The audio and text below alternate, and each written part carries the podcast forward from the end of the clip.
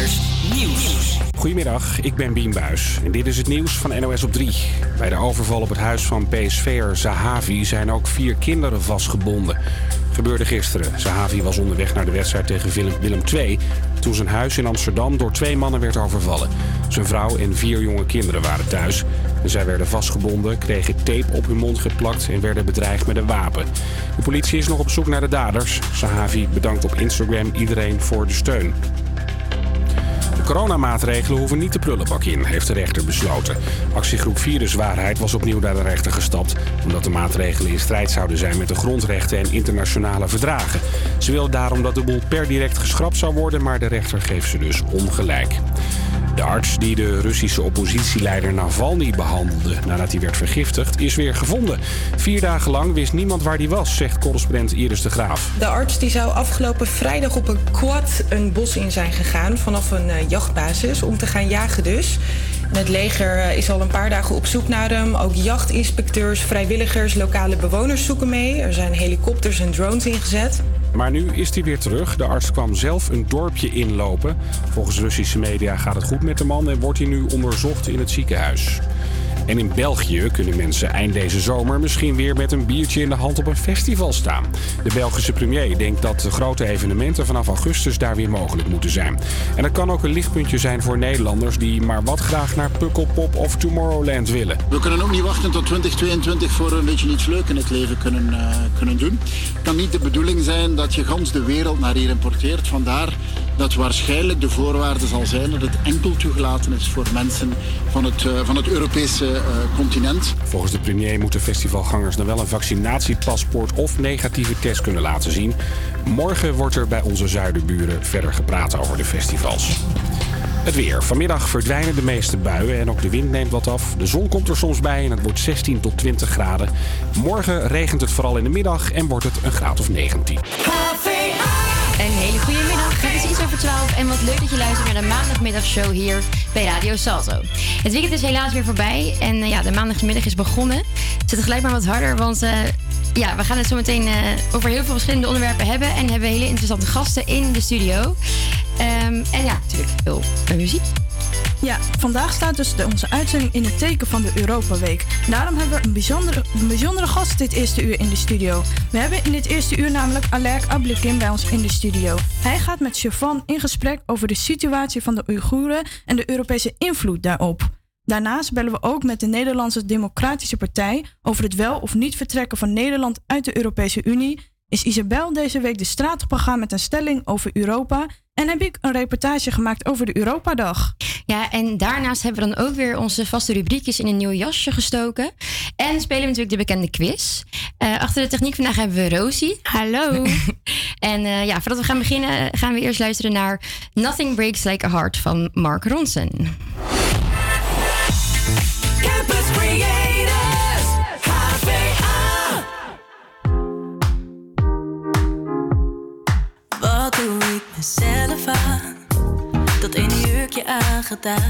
Ik ben te vroeg van huis vertrokken, dat is hoe het gaat. En doe ik dan hetzelfde aan? Casual chic, anders dat hem net niet. En hoe laat gaat de laatste trein nog? Ik ben morgen en vandaag te vrij, maar ben je wel gemaakt voor mij? Hoe zou het zijn? Smaakt het naar meer? Of twijfel ik weer?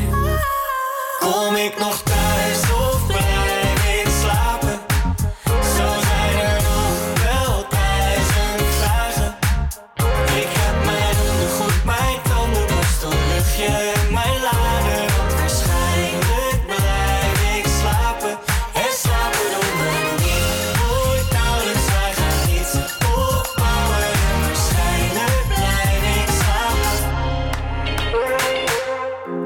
1 date, 2 uur, 3 gangen later. Ik weet niet wat het is, maar je raakt me. En als we straks alleen zijn in je kamer, gaan we de laken zien, schat het verbaasd. Dat dit echt zo gaat, wie had dat nog gedacht? Ben je net zo klaar voor de volgende stap? En wordt de nacht steeds langer met de kortere dag? Ik ben op mijn gemak, ik heb op je gewacht. Hey. Hoe zou het zijn? Smaakt het naar meer? Of twijfel ik weer?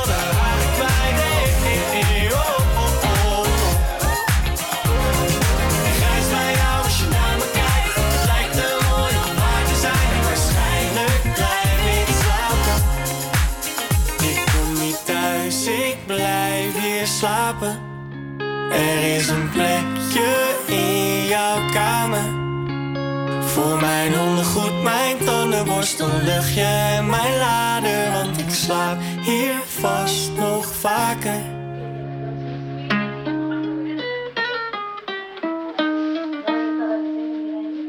I caught it bad just today. You hit me with a call to your place. Ain't been out in a while anyway. Was hoping I could catch you throwing smiles at my face. Romantic talking, you don't even have to try. You're cute enough to fuck with me tonight. Looking at the table, all I see is bleeding white.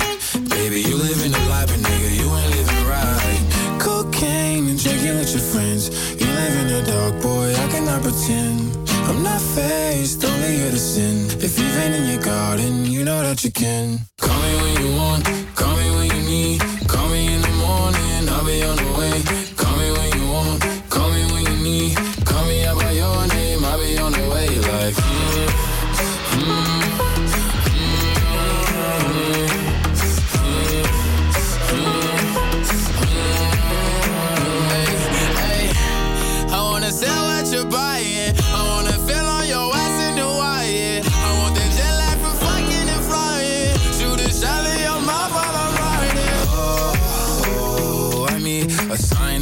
Every time that I speak. A diamond and a nine, it was mine every week. What a time and a climb, God was shining on me. Now I can't leave. And now I'm making hella Italy. Never want the niggas in my league. I wanna fuck the ones I envy. I envy. Cocaine and drinking with your friends. You live in the dark, boy, I cannot pretend. I'm not faced, only sin. If you've been in your garden, you know that you can.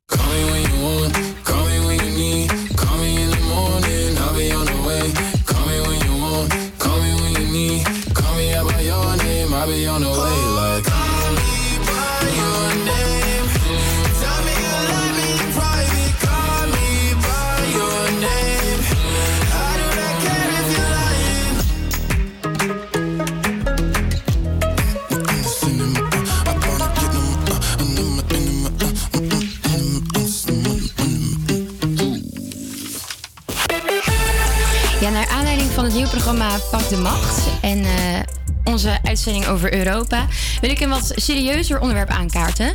Misschien heb je als luisteraar wel in het nieuws horen of zien voorbij komen, maar aan de andere kant van de wereld gaat het, eh, ja, gaat het goed mis. Eh, in de noordwestelijke provincie van China worden miljoenen Oeigoeren eigenlijk vastgehouden in zogeheten heropvoedingskampen. Ehm, berichten vanuit de media melden dat in dit soort kampen ja, eigenlijk alle rechten van de mensen zowaar worden afgenomen. En daarom is onder andere Amnesty International in actie gekomen om de onderdrukking te stoppen. Via een petitie die je online kunt tekenen. Nu heb ik hier in de studio Alerk. Eh Alerk, jij bent een Nederlandse Oeigoer die eigenlijk strijdt voor de mensen die daar nu in die heropvoedingskampen zitten. Klopt. Ehm, nou ja, allereerst natuurlijk dankjewel dat je hier bent. Fijn om te Ehm, zijn. ja, ik wil met jou in gesprek gaan over de situatie eh, wat er op dit moment in China gebeurt. Want jouw vader en tante zitten ook in die kampen, klopt dat? Klopt, ja. Eh, nou ja, eigenlijk mijn eerste vraag aan jou is... Ja, hoe gaat het eigenlijk met je?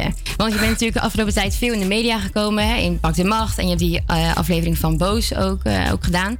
Ehm, ja, wat heeft dit voor effect op jou? Hoe gaat het, ja, hoe gaat het eigenlijk met je? Ehm, nou, het is natuurlijk heel lastig om geen vader in Nederland te hebben. Maar het is niet iets dat, ehm, dat uniek is. Heel veel mensen in Nederland en overal ter wereld hebben last van een soortgelijk probleem. En eh, op een gegeven moment word je in de diep gegooid en dan moet je ermee leren leven. En ehm, ik heb besloten om de manier hoe ik ermee kan leven, is als ik eh, me hier hard voor maak. En als ik me, eh, als ik me hiervoor inzet. En daarmee probeer ik hier eigenlijk ja, normaal mee om te gaan. Ja, en nou ja, ehm, zou je gewoon een klein beetje informatie kunnen geven wat is nou precies de situatie in China? Wat gebeurt op dit moment? Ehm, nou, de Oeigoeren zijn een, eh, een etnisch volk dat eh, heel anders is dan de Chinezen. Het is een Centraal-Aziatisch volk, het is een Turks volk. Ehm, het is niet Turks als in Turks uit Turkije, maar eh, Turksachtig, net als Uzbeken en Kazachen en zo. En in 1949 werd het gebied geannexeerd door de Chinese Communistische Partij. En sindsdien heeft China heel lang geprobeerd om de Oeigoeren eigenlijk te verchinezen. Eh, om een soort ideaal van één communistische partij en één volk creëren. Eh, dat is eigenlijk niet heel goed gelukt, omdat Oeigoeren en Chinezen heel anders waren en historisch gezien best wel veel onbegrip met elkaar hadden. En nu, ehm, eh, in 2017, toen eh, net nadat Xi Jinping aan de macht kwam, hebben ze besloten om wat hardere maatregelen te gaan treffen. En eh, dat heeft zich uiteindelijk gemanifesteerd in grote concentratiekampen, wat er heropvoedingskamp worden genoemd daar. Eerst werden ze ontkend, nu, eh, toen waren ze vrijwillig en nu eh, worden ze heropvoedingskamp genoemd. Ehm, en daarbuiten zijn er verschillende constructies gecreëerd, werkkampen om het financieren, gevangenisstraf voor mensen die uiteindelijk ehm, eh, uit, de, van, uit de concentratiekamp komen, maar gewoon een, een levenslange straf krijgen vanuit een onrechtvaardig rechtssysteem. Ja, want is er inderdaad dan ook een reden voor? Of is dat gewoon, het wordt gewoon gedaan? Nou, een concentratiekamp zoals die in China is, is per definitie buitenrechtelijk. Dus eh, dat noem je in het Engels extrajudicial. En eh, dat is in dit geval dus ook zo. Maar er zijn wel redenen voor. Dus eh, er zijn verschillende redenen aangekaart. Dat is door de Chinese staat toen lokale regering ook uitgestippeld. Het hebben van een baard kan je nog in een concentratiekamp. Baard? ja. Kan je in een concentratiekamp laten belanden. Het weigeren te roken, het weigeren te drinken. Dat zou tekenen van extremisme zijn. Ehm, verder eh, zijn er wat eh, raardere eh, redenen, zoals geboren worden na 1980. Dat zijn allemaal redenen Dat- om dus naar de gevangenis te gaan. Precies, om in zo'n heropvoedingskamp terecht te komen, zoals zij het noemen. Wat Mhm. eigenlijk gewoon een concentratiekamp is. Ja, dit zijn eigenlijk hele gekke dingen als je het Ja. zo hoort. Ik bedoel, een baard. Ja. Ja, dit, nou goed. Ehm, en hoe is dat voor jou hier in Nederland? Want ehm, je hebt natuurlijk, ik heb die podcast geluisterd dat, eh, de, van het Broodhuis, waarin je vertelt van dat je 19 jaar was toen je echt begon met het uitspreken hierover. Klopt. Wat was voor jou dat moment dat je dacht: ik moet hier nu iets aan gaan doen? Ik moet me er hard voor gaan maken? Ehm, het was eigenlijk een samenkoming van twee verschillende momenten in mijn leven. Twee verschillende stromingen eigenlijk. De ene is dat ik in 2017 te horen kreeg dat mijn vader en tante vastkwamen te zitten in een concentratiekamp. En ik was toen eigenlijk niet oud genoeg om er emotioneel op een gezonde manier mee om te gaan. Ehm, dus ik sloot het op. Ik ging er zelf mee aan de slag en ik had heel lang de tijd nodig om er uiteindelijk ehm, goed naar te kijken. Om er objectief eh, gezond naar te kunnen kijken. Verder had ik aan de andere kant een moment dat je gaat studeren. En iedereen die gaat studeren, die gaat zich afvragen: wat ga ik met mijn leven doen? En eh, bij mij was die vraag eigenlijk wat confronterender dan bij de meesten. En bij mij komt het erop neer dat ik het heel onrechtvaardig vond dat ik hier eigenlijk vrij en veilig kan leven. En dat mijn familieleden en vrienden daar eh, in mijn thuisland niet. Dus toen die twee stromingen samenkwamen, heb ik besloten om eigenlijk eh, me erover uit te spreken. Heb ik een videotestimony gemaakt. Dat was gewoon een, ja, een slecht camera waar jij dan vertelt wat er, eh, welke familieleden jij mist. Dat is eh, gedeeld. En uiteindelijk ben ik toen op Nieuwsuur gekomen. En dat was de eerste keer dat ik eh, ja, in mijn volwassen leven in het nieuws kwam. En sindsdien is het ja, gaan sneeuw, snowballen. Ja. Steeds groter gaan worden. En hoe was dan dat eerste nieuwsuur interview? Want ja, hoe gaat zoiets? Ja, het was heel spannend. Ehm, ik werd 's ochtends tijdens een ontbijt gebeld door Nieuwsuur. Want dat waren toen net eh, het moment dat interne documenten gelekt waren. Waarin eh, Ch- Chinese partij, eh, partijofficials dan verteld werden wat ze moesten zeggen. als familieleden van vermiste, vermiste mensen, zeg maar, als die kwamen aankloppen. Ehm, toen die documenten uitkwamen, ben ik dus 's ochtends gebeld. Ik zei, ik heb colleges. Ehm, dus eh, ja, ik ben op dit moment klaar met colleges.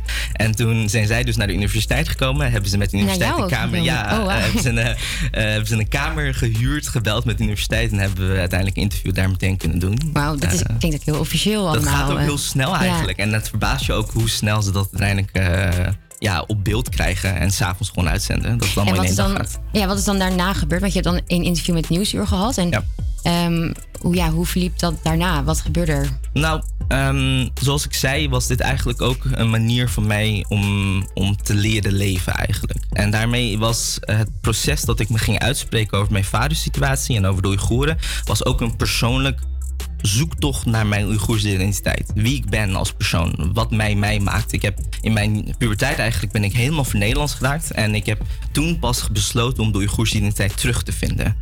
Ehm, en omdat dat ook een deel van mijn ontwikkeling was, eh, heb ik eigenlijk daarna eh, ook meer contact gehad met de Oeigoerse gemeenschap hier. Eh, meer met Oeigoerse jongeren, wat wij kunnen doen hier in Nederland voor de Oeigoeren. Maar tegelijkertijd ook ons verhaal proberen te doen in Nederland over de situatie. Want juist omdat we stil waren door de angst voor China, eh, zijn we eigenlijk eh, weggezet. Eh, is het gesprek over de Oeigoeren gegaan over de Oeigoeren en niet meer met de Oeigoeren. Ja. Er is een expert op tafel die dan praat over de Oeigoeren vanuit een geopolitiek perspectief, waarbij dan de menselijke lijden wordt gedehumaniseerd. En, eh, en ik vind het belangrijk dat de Oeigoerse gemeenschap hier wordt meegenomen. En ik denk dat de Nederlandse samenleving dat veel te weinig doet. En de Nederlandse politiek dat eigenlijk echt niet genoeg doet. Ehm, dus die dingen zijn zeg maar voor mij bij elkaar gekomen. En eh, daarna ben ik me ook op een politiek, politiek niveau gaan eh, uitspreken. Dus met, met politieke partijen praten, kijken wat zij eraan kunnen doen. En eh, ik kan eigenlijk niet heel goed definiëren wat ik eigenlijk allemaal doe. Maar het zijn eigenlijk dingen, heel ja, veel, hè? Ja. eigenlijk dingen die op mijn pad komen, die ik belangrijk acht. En die pak ik eigenlijk een beetje willekeurig aan. En eh, uiteindelijk komt het allemaal eh, richting hetzelfde doel eigenlijk. Ja, en je had het over die Oeigoerse gemeenschap hier. Hoe groot is, zo'n, is die gemeenschap in Nederland? Eh, de Oeigoersgemeenschap in Nederland is ongeveer 3000 mensen. Ehm, maar dat is misschien een beetje een, een foute nummer, omdat een groot deel van die, nou, een deel van die 3000 mensen eigenlijk helemaal niet actief zijn binnen de gemeenschap. Dat zijn mensen die hebben besloten dat zij hier in Nederland een nieuw leven gaan opstarten. En die keuze die kan ik enorm respecteren, omdat dat een keuze was die ik waarschijnlijk zelf ook had gemaakt als ik eh, niet die trauma had van mijn familieleden. Ehm, maar er zijn ook Oeigoeren die zich wel in de eh, gemeenschap bemoeien, die een soort cultureel ehm, gevoel moeten vinden in de gemeenschap. En eh, die heb je in Nederland best groot. Eh, en Nederland heeft ook een van de grootste diaspora's, Europees gezien, Ja, van Oeigoeren. oké. En eh, nou ja, je zei net al, jouw vader zit dus in zo'n, ja, laten we het gewoon even concentratiekamp noemen. Ehm, wanneer heb jij hem voor het laatst gezien of gesproken? Ik heb mijn vader voor het laatst in 2014 gesproken. En ik, ik had eigenlijk helemaal niet verwacht dat het de laatste keer zou zijn dat ik hem zou spreken. En eh, zoals je kan horen is dat ook drie jaar voor het bestaan van de kampen. Ehm, mijn vader is een bekende schrijver daar, een bekende dichter. En was uiteindelijk ook de hoofd van de uitgeverij daar. eh, de Xinjiang Juvenile House, eh, zoals het daar heet. En ehm, hij moest op een gegeven moment, dus toen de repressie een beetje begon in te kicken op een hele harde manier, moest mijn vader lid worden van de Communistische Partij om voor zijn nieuwe vrouw en twee kinderen te zorgen. Dat moest. Dat, nou ja, om zijn positie te behouden Ah, moet ja. je lid worden. van-. Zeg maar, om een hoge positie überhaupt in de samenleving te hebben, moet je lid worden van de partij. En omdat hij lid was geworden, kon hij eigenlijk geen contact meer hebben met zijn afvallige zoon die gevlucht is. Ehm, En ik, ehm, toen ik, toen ik eh, hem eh, probeerde op te zoeken, te probeerde te bellen en geen reactie kreeg en uiteindelijk te horen kreeg dat hij dus lid was geworden, was ik eigenlijk heel boos geworden. Omdat ik ook eh, in- op een leeftijd was dat je eigenlijk sneller boos wordt en wat emotioneler bent. Ja, hoe oud was je toen? Ik was toen 15, ja. Dus ja. nou, dan kan je ook niet heel gezond over dit soort dingen nadenken, denk ik. Dus ik ben eigenlijk heel boos op mijn vader geworden. Ik dacht dat het egoïstisch van hem was, dat hij niet meekwam in 2007. En dat hij mijn moeder, een alleenstaande moeder, en mij een kind, zeg maar, in de steek soort van had gelaten.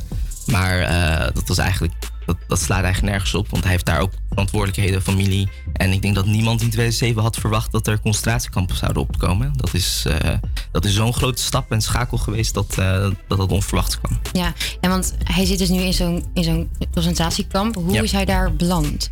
Ehm, nou, omdat hij een wat bekende persoon is, is er een officiële verklaring gegeven. Een officiële verklaring voor waar mijn vader in was opgepakt. eh, was dat hij en zijn zus, dus mijn tante, een Oeigoers meisje, zouden hebben geholpen om naar het buitenland te vluchten. En dat mag niet. Ehm, aan de ene kant zou dit goed waar kunnen zijn. Ehm, of je nou iemand in een concentratiekamp daarvoor opsluit, dat is een andere ding. Maar aan de andere kant ook, kan het ook niet zo zijn. Want die zag eh, in 2017 dat de eerste laag van de mensen die uiteindelijk werden opgepakt in zo'n concentratiekamp, waren mensen van eh, een hoog ja, cultureel rangord eigenlijk.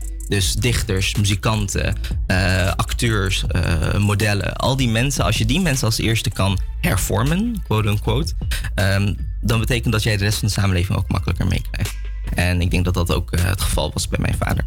Dus het is dus niet, niet zeker of dat verhaal van, het, van dat meisje naar het buitenland sturen echt waar is. Nee. Oké. ehm, en nou ja, die uitzendingen van Pak de Macht en van Boos zijn natuurlijk geweest. En dat ging natuurlijk ook over. Eh, van Boos ging het over Nike. En met Pak de Macht ging het dus echt over wat er daar gebeurt. Ja.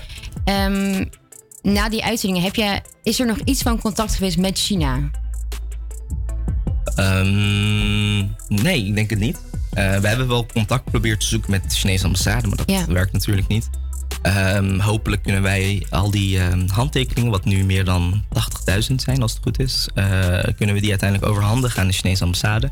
En het, het interessante en het hypocriete ook zo. Dat eh, de Chinese staat steeds zegt: we willen een dialoog, we willen hierover praten. Maar dat dat eigenlijk nooit gebeurt. Dus eh, volgende week is er een VN-vergadering over mensenrechten. Dat eh, aangevraagd is door China, door, door Duitsland, sorry. over de mensenrechtssituatie in China. Ja. En de, de Chinese staat heeft gezegd aan hun bondgenoten, wat heel veel Afrikaanse landen zijn die in die commissie zitten, om eigenlijk die vergadering niet bij te wonen.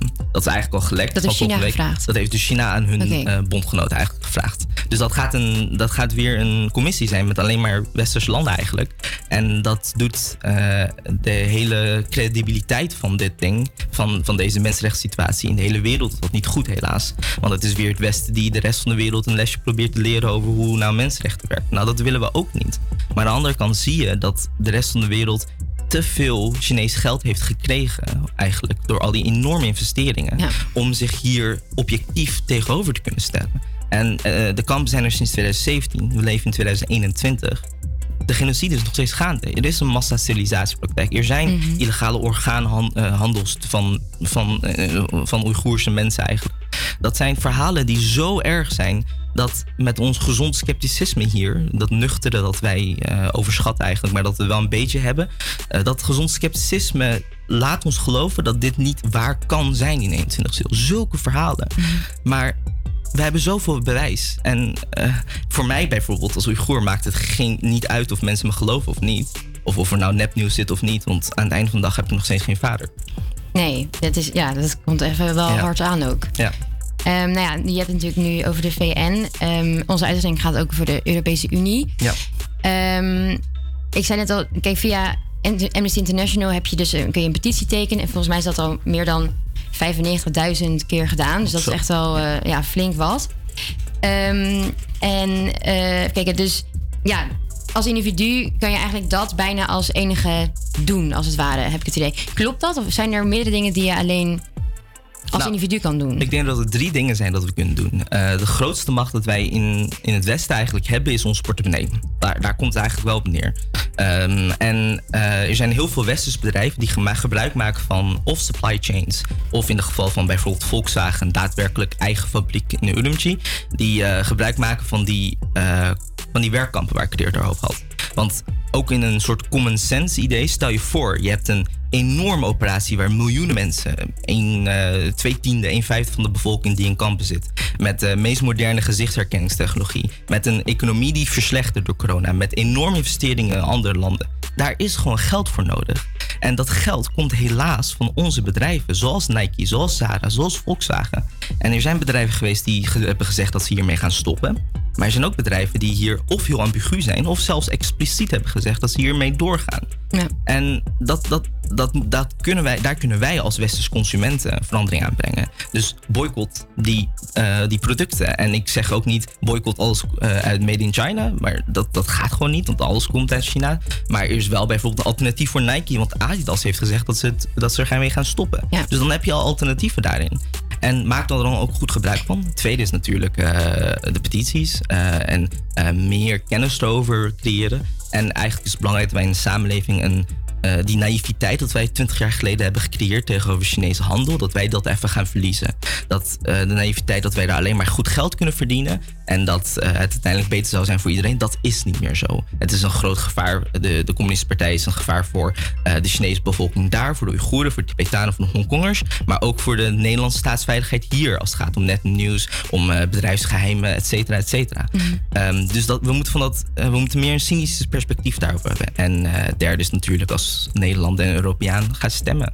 Als in, de verkiezingen zijn net geweest, maar ja. wij in Nederland hebben, zijn een van de weinige landen waar wij echt keuze hierin over hadden. Mhm. Want we hebben gewoon drie partijen gehad die tegen die motie van genocide hebben gestemd. Ja. En dat is de FVD, de PVV en de VVD. Nou, dan heb je al genoeg alternatieven. Kies dan voor al die Mhm. andere partijen. Ja, en vind je dan ook bijvoorbeeld, want je hebt over boycotten, dat de Europese Unie hier iets meer zou moeten doen? Van, dat vanuit de Europese Unie wordt gezegd: hé, hey, we boycotten, we probeer dit meer te boycotten. Of ehm, dat ze dus vanuit die Europese Unie in plaats van vanuit een land zelf dit gaan doen. Ehm, dat is een hele goede vraag. Ehm, aan de ene kant komt het erop neer dat als jij als Nederland je nek uitsteekt eigenlijk hierin, dan, dan snij je zelf veel meer dan het hoeft. Dus je moet eigenlijk Euro- Europees gezien hier tegenop staan. China is te machtig om dit bilateraal aan te pakken. Dus als Europese blok met multilaterale relaties is het de enige manier om dit af te dwingen. Tegelijkertijd is het zo dat in Nederland dus de, de verwijs van we moeten dit Europees gaan aanpakken is een stopwoord. Het is, het is geen begin van een nieuw dialoog. Het is een stopwoord. Wij moeten het hier in Nederland niet meer hierover gaan hebben, want Europa gaat het wel regelen. Daar komt het eigenlijk op neer. Maar wij doen niks in Europa om dit uiteindelijk echt door te drukken. Ehm, Europees hebben wij een maand geleden voor het eerst eh, sancties opgelegd op vier Chinese eh, beleidsmedewerkers daar. Dat zijn niet de echte mensen, maar het was een goed begin. Maar de reactie van China toen, dat zij Europarlementariërs... Ja, ja, dus een Nederlander. De reactie van China toen met, eh, op Nederlandse parlementsleden, op Europese parlementsleden, was zo- zo heftig eigenlijk dat Europees perspectief op China ook veranderd is. Langzamerhand. Ehm, en dat is goed, denk ik. Ehm, want dat betekent dat die EU-China investeringsdeal, die eigenlijk door Merkel vorig jaar eh, op het laatste moment doorheen gedrukt is, dat dat eh, nu niet meer geratificeerd gaat worden. Op zijn Ja. minst in de, in de aankomende korte tijd. Dus dat betekent dat is juist goed, want dat betekent dat de Chinese macht in Nederland eigenlijk niet toeneemt. Dus dat, eh, dat de, de onmacht die Nederland steeds zegt dat ze hebben bij het beschermen van hun eigen bevolking, bij het beschermen van de Oeigoeren daar, dat die onmacht uiteindelijk komt door die economische macht. Dat wij die economische macht tenminste niet nog groter gaan maken. En Ja. dan dat hier zeggen dat we alles aan doen om dit te voorkomen. Maar is dan ook het geluid van de EU, wat ze nu dan geven met bijvoorbeeld die, die onderhandelingsdeal die niet doorgaat, is dat dan een soort van kleine stap in de goede richting, als Ja. het ware? Zeker. Ehm, Europa is gaan veranderen. Zeker Mhm. ehm, sinds 2016 toen Trump aan de macht kwam, is Europa zichzelf veel meer gaan zien als een geopolitiek blok met eigen belangen eigenlijk. Niet meer hetzelfde wat Amerika altijd wil. En in de EU-China investeringsdeal heeft dat eigenlijk op een hele nare manier zijn gezicht laten zien, omdat Amerika hierop tegen was. En Europa wilde een soort strategische onafhankelijkheid en daardoor wilden ze dit wel. Ehm, maar aan de andere kant is het juist goed dat Europa ziet dat zij veel meer een blok zijn. Dat zij veel meer een, een, een macht zijn die dingen kan veranderen. En die realisatie die langzaam opkomt met eh, Ursula von der Leyen, onze huidige eurocommissaris, die, die, dat is een goede richting eigenlijk. Het grootste probleem is eigenlijk, nou niet eens een probleem, wie gaat er aan de, de, de hoofden zitten van de EU in de aankomende, kom- eh, aankomende jaren? Als Merkel weggaat, wat gebeurt er dan? Dan komen de groenen aan de macht eh Franse verkiezingen volgend jaar. Als Macron eh, wegvalt en Le Pen aan de macht komt, dan is het Europese Ei, project ja. aan, de macht, eh, eh, aan het einde bijna. Mhm. Nou, dat kan heel veel betekenen. Dus daar, daar zit mijn angst in, maar we gaan wel de goede richting op. Want stel, we gaan dit vanuit het best mogelijke perspectief bekijken. En dat is dat groen aan de macht komen in Duitsland. Dan gaat er ook heel veel veranderen vanuit het Duitse perspectief op China. Want die is nu nog heel dicht Mhm. door de auto-industrie die daar heel Ja. erg aanwezig is. Uh, maar dat gaat veranderen met de aan de macht van koming van de Groenen. En als Macron in Frankrijk aan de macht blijft, dan ga je ook veel meer die Europese strategische onafhankelijkheid zien. Um, en ik zit nu inderdaad heel veel, zeg maar, het eigenlijk dehumaniseren. En dat is ook hoe, de enige manier om hierover te praten. Mhm. Maar ik wil wel erbij willen zeggen dat we moet, niet moeten vergeten dat dit inderdaad nog steeds miljoenen mensen aangaat. Ja. En dat er ook een morele verplichting Mhm. is van de Europese Unie, Ja. ongeacht alles wat wij nu besproken hebben, om hier uh, een stokje voor te steken. Ja, nou ja, daar wil ik het uh, ons gesprek mee afronden. Ja. Dankjewel. Jij ook bedankt. Um, ja, we kunnen er nog uren over praten, maar we moeten ook weer door met de, met de, met de uitzending. Ja. Um, nogmaals heel erg bedankt. En ik zou zeggen, ja, blijf even lekker zitten nog. Uh, ja, leuk.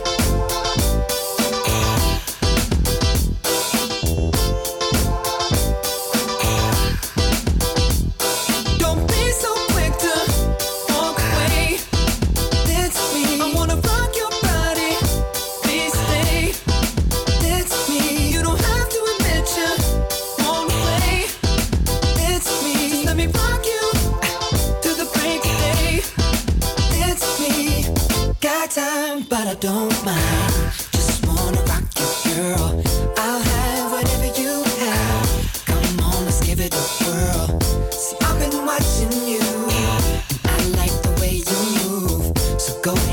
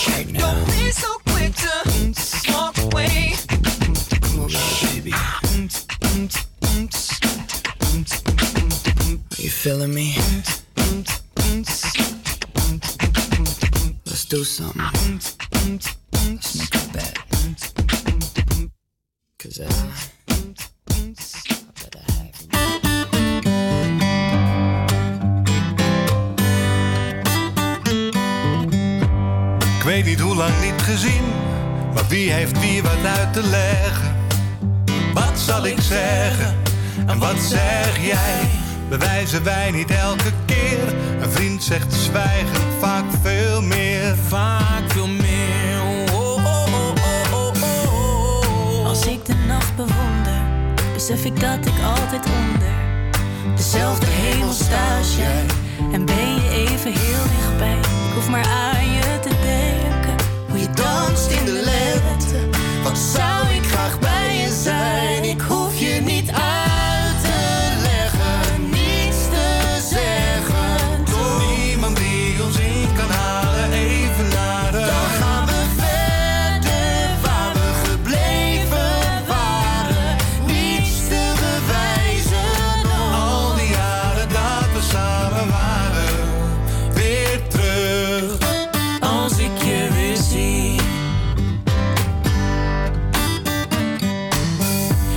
Er is zoveel dat ik zeggen kan.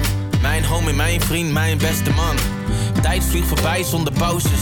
We zijn beide veel te druk, man, ik hou van je. Maar dan zit ik soms fout, je neemt me niks kwalijk. Eén blik voor een miljoen verhalen.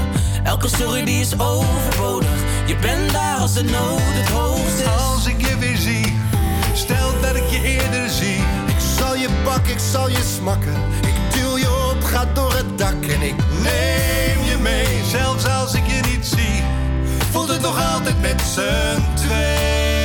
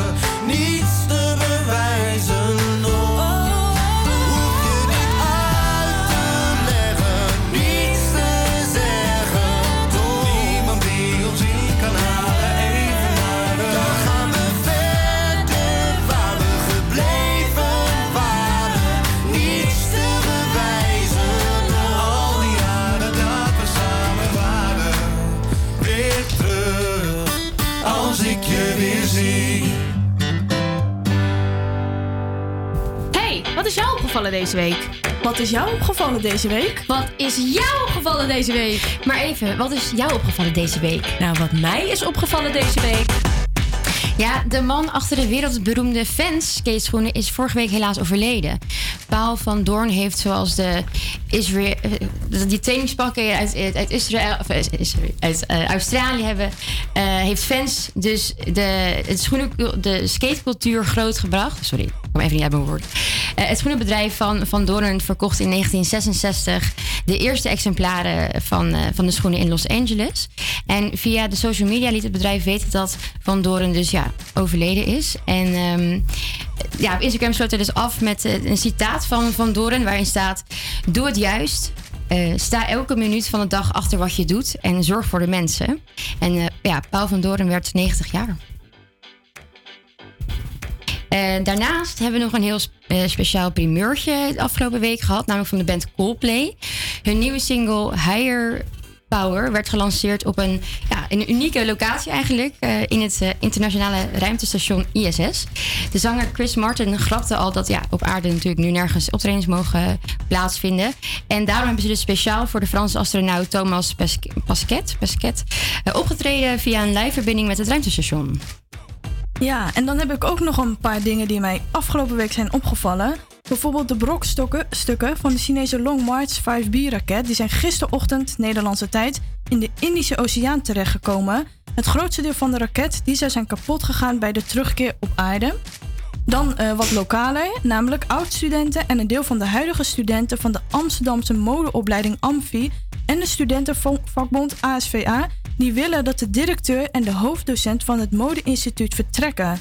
Volgens hen is dat namelijk nodig voor de nodige hervormingen en voor een cultuuromslag binnen de modeschool. Ja, echt ziek. Ik had Ja, het hè? gehoord dat ze gewoon helemaal die, eh, die studenten helemaal de grond in trappen. En Ja. dat de docenten lievelingetjes hebben. want Met, met jij doet het goed en jij doet het Ja. fout. En dat het gewoon echt bizar is. Toevallig heb ik, eh, ken ik iemand die dus daar nu in haar eerste jaar zit. En Ja. ik vroeg van haar van ja, merk je dit ook, weet je wel? En wat is de Ja. sfeer daar dan? Ja. En ze zei ja, dit is wel gewoon echt een hele nare sfeer. En kijk, naast er natuurlijk dit soort docenten zijn, zijn er ook wel vaak gewoon ja, aardige docenten. Maar het is wel echt een probleem daar op die school. Nou ja, de verhalen die ik ook had gelezen in- in het Parool bijvoorbeeld, eh, ja, vond ik heftig. Zeker. Ja. En tenslotte, sinds maandag 3 mei, dus een week geleden, eh, is eh, in de Amsterdamse metrostations geen reclame meer te zien van producten waar fossiele brandstoffen voor nodig zijn. Eh, dus auto's die op benzine rijden of vliegtickets voor dumpprijzen, die zul je niet meer zien. Amsterdam is daarmee de eerste stad in Nederland die reclame voor zulke producten gewoon helemaal niet meer toestaat. Ja, en gisteren was de wedstrijd Feyenoord tegen Ajax. Jullie Amsterdammers hebben het vast niet gemist. De einduitslag van deze wedstrijd is misschien bij de Amsterdammers wel bekend. De Ajaxiden wonnen namelijk met 3-0 van de Rotterdammers. Opme- opmerkelijk is dat van de drie doelpunten die er zijn gemaakt... twee zijn gemaakt door eh, de spelers van Feyenoord zelf. Gistermiddag heeft er een overval plaatsgevonden op de woning van PSV-speler Eran Sahavi in Buitenvelders. Daarbij zijn de vrouw van hem en zijn vier kinderen vastgebonden. De politie is op zoek naar de twee daders. Ze zijn nog niet gevonden. Eh, er, sto- stond een man met een bezorgersjas voor de deur. Toen zijn vrouw opendeed, werd ze meteen tegen de muur aangeduwd. En erachteraan kwam eh, een tweede man met een vuurwapen. De overvallers hebben persoonlijke eigendommen en contant geld meegenomen. En niemand raakte gelukkig verder gewond. Maar dit is natuurlijk wel een traumatische ervaring. Ja, ik vind het best wel heftig, man. Ja, dat is toch bizar? Ja. Maar even over deze dingen gesproken. Ik heb gisteren wat meegemaakt, jongens. vertel. Oké, vertel. Ik ben zat- benieuwd. Oké, ik zat dus gewoon rustig in mijn woonkamer met mijn vader en moeder aan tafel. En op een gegeven moment zegt mijn pa, een knokpartij. Nou, ik dacht, wat fuck, een knokpartij. We zitten niet in de bar, weet je. Dus wij kijken naar buiten. En er stopt gewoon, er staat daar een, een, een man met een ketting van zijn fiets. En eh, er stopt opeens gewoon een man. Eerst waren ze al aan het knokken, zeg maar. En die man die zet zijn au- auto stil midden op de weg. Hij, hij doet zijn achterbak open. Hij zit echt heel agressief te zoeken in zijn achterbak. En hij pakt een, een wapen. En hij houdt dat ding achter zijn rug en begint naar die man toe te lopen. Maar een echt, zeg maar... Ja, eh, het was echt een stok met een, een- of een mes. Het was een stang. Het, het was echt een wapen om mensen mee gewond te eh, maken, zeg maar. Oh, het was echt jeetje. gekke maffia of zo. dus die man die loopt naar haar toe. Dus wij zaten echt te kijken van, wat, van, wat moeten we doen? Ja. We moeten de, de politie bellen of zo. Want straks wordt er iemand vermoord hier voor onze deur. Nou, dus eh mijn moeder 112 bellen. En eh, die man die begint op hem in te slaan. En ze lagen op de grond elkaar te wurgen. Nou, het was echt, Maar is echt iemand niet normaal. Nou, er stonden twee kleine meisjes naast. En ik dacht, ook, waarom blijven jullie daar staan? Oh, En toen dat meisje die tikte hem zo rustig op zijn rug. Ik dacht ook van, wat, waarom, wat doe jij? Maar uit, uiteindelijk, eh, het liep ook echt heel raar af. Want op, op een gegeven moment toen liet hij hem los. En die man die loopt gewoon rustig eh, de supermarkt in. En die andere man die rijdt weg met zijn achterbak nog open. Toen hebben een paar jongetjes op de scooter, want iedereen die ging natuurlijk stoppen. Ja. Die hebben toen zijn achterbak dicht gedaan. Toen is hij gewoon super snel weggereden. En eh, die andere man die komt rustig eh, de supermarkt uit en die fietst weg alsof er niks gebeurd is met een Red Bulletje. Maar niemand is ook uiteindelijk opgepakt of zo? Nee, want we hadden toen dus de politie gebeld. En, die, eh, ja, en toen stopte het alweer. En toen reed die auto snel weg. Dus Oh, we zouden hun toch sowieso veel te laat komen. Dus uiteindelijk is er niks... eh, ja, Heel raar. Niemand opgepakt zo. Maar het was echt wel gek. Ja, het was echt lijp. Ja. Nou, dan gaan we nu verder eh, met muziek. Hier komt de Higher Power, lekker toepasselijk, van Coldplay. 3, 2, 1.